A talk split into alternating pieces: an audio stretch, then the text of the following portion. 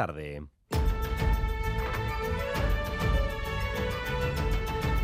Crónica de Euskadi con Dani Álvarez.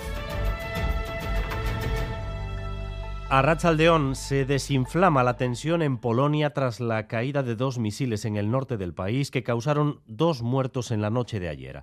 A esta hora se asienta la tesis de que ese misil no tiene origen ruso sino ucraniano, lo que desactiva la posibilidad de una reunión de la OTAN. Oscar Pérez. Polonia ha apuntado ya que descartan invocar el artículo 4 de la Alianza Atlántica que plantea una reunión de los miembros cuando uno de ellos ve amenazada su seguridad. Eso no va a ocurrir de momento porque todo apunta que no ha sido un misil disparado por Rusia, lo que ayer cayó sobre territorio polaco y mató a dos personas. Lo acaba de confirmar el propio secretario general de la OTAN. Our preliminary analysis suggests that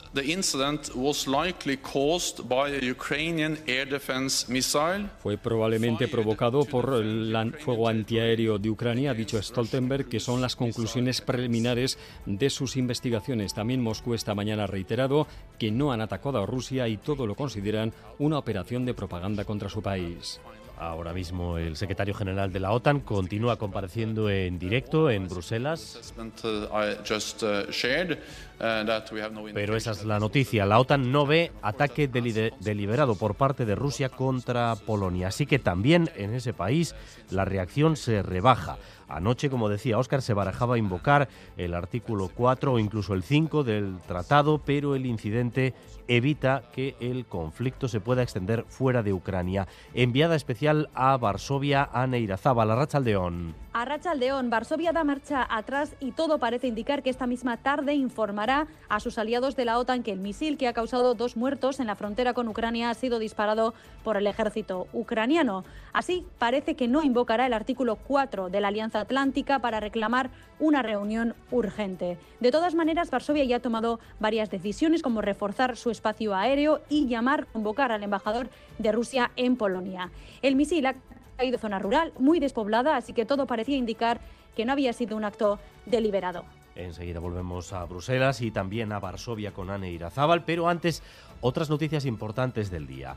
Los problemas del sistema público de salud en este tiempo de pospandemia están llevando al límite a los profesionales. Hoy por vez primera, médicos de varias comunidades autónomas, entre ellas Euskadi, Madrid o Cataluña, han anunciado un frente común para hacer llegar sus demandas al Ministerio de Sanidad. Niegan que el problema sea la falta de médicos. Los problemas son otros. El gran problema no es que falten médicos. El gran problema es que faltan profesionales que quieran ejercer en este país en las condiciones que se les ofrece ejercer. Retribuciones, condiciones laborales, condiciones de atención al paciente, retribuciones, condiciones laborales. Sin embargo, en los departamentos de salud se habla sobre todo de falta de profesionales. Hoy Gochones Agardui ha abierto de hecho la puerta a contratar médicos provenientes de América Latina cuando la ley lo permita porque no salen los suficientes de las facultades. Todos aquellos medios que dentro de la ley nos puedan permitir contar con un mayor número de recursos para de recursos humanos en este caso, de profesionales en este caso, nosotros siempre los vamos a valorar. Revuelo político y judicial por la Ley de Garantía Integral de la Libertad Sexual, la ley del solo sí es sí. A partir de su aprobación se han rebajado cinco condenas que ya eran firmes y en el primero de los fallos se ha impuesto una pena más leve. Algunas afectan a delitos de abusos sexuales y otras a agresiones sexuales y entre las víctimas hay hombres, mujeres y también menores de edad.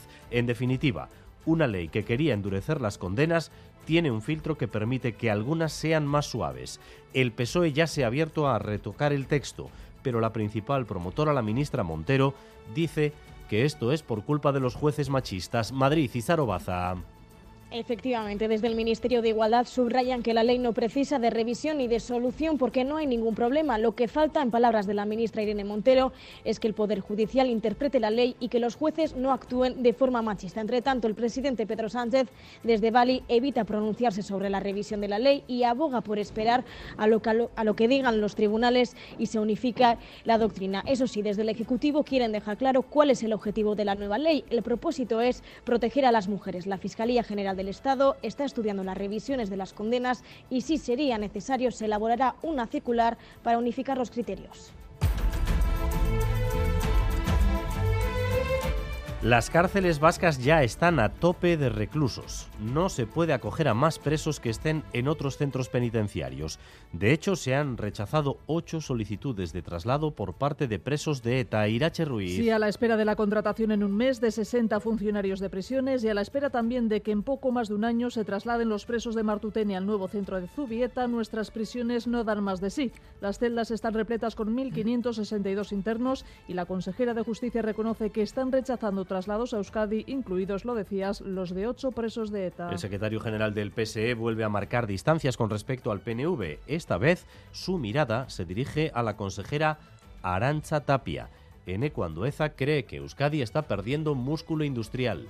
Hay algunas decisiones políticas que se han tomado al respecto de algunas empresas en algunos momentos en las que lo público ha tenido participación que nos están llevando, por ejemplo, a deslocalizar algunas empresas que han sido emblema en Euskadi. Tenemos al PNV que da síntomas de agotamiento. Yo veo con preocupación algunas noticias que están saliendo los últimos días. Como un modelo de éxito como ha podido ser el de Mondragón se esté poniendo en tela de juicio y esté pasando por las circunstancias que está pasando. Y esta tarde el pequeño pueblo a la vez de Aramayo va a tener su asamblea asamblea abierta para hablar del proyecto eólico de Statkraft. Allí los vecinos han mostrado en los últimos años una oposición rocosa a proyectos de este tipo. La alcaldesa Lierni Altuna equipara este proyecto con el tren de alta velocidad, mientras el diputado general de Araba deja también su recado. hau etorri jaku derrepentian, uste dugu ez dala egon, ez da bai da nazional bat bez, HTN esperientziatik gatoz eta arazo asko ditugu urte askotan zier. Hay un cambio de posición que veo que no está siendo fácil, pero yo creo que ese cambio de posición es necesario y yo lo saludo. Y vamos también con lo más destacado del deporte, con Álvaro Fernández Cadierno, a Rachaldeón. Álvaro. Rachaldeón en un día con el baloncesto como gran protagonista, con la Eurocup y los dos partidos que se disputan esta tarde a las 8 en el Gasca y de Cascotren Asbel Lyon en Maloste, lo Guernica, Rutronic de Alemania. Y hoy también tenemos partido importante en Liga Sobal, además León Vidasoa Irún. Atención en estos momentos en la N622, Cigoitia, sentido Altuve. Un camión ha hecho la tijera.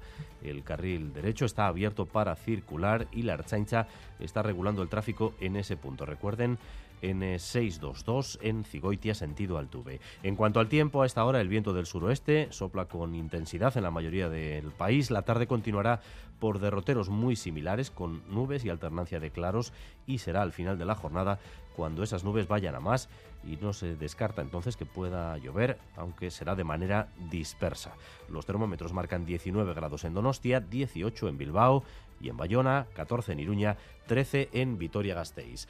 Gracias un día más por elegir Radio Euskadi y Radio Vitoria para informarse. Raúl González y Jorge Ibáñez se encargan de la dirección técnica, a Itziber Bilbao de la coordinación. Crónica de Euskadi con Dani Álvarez.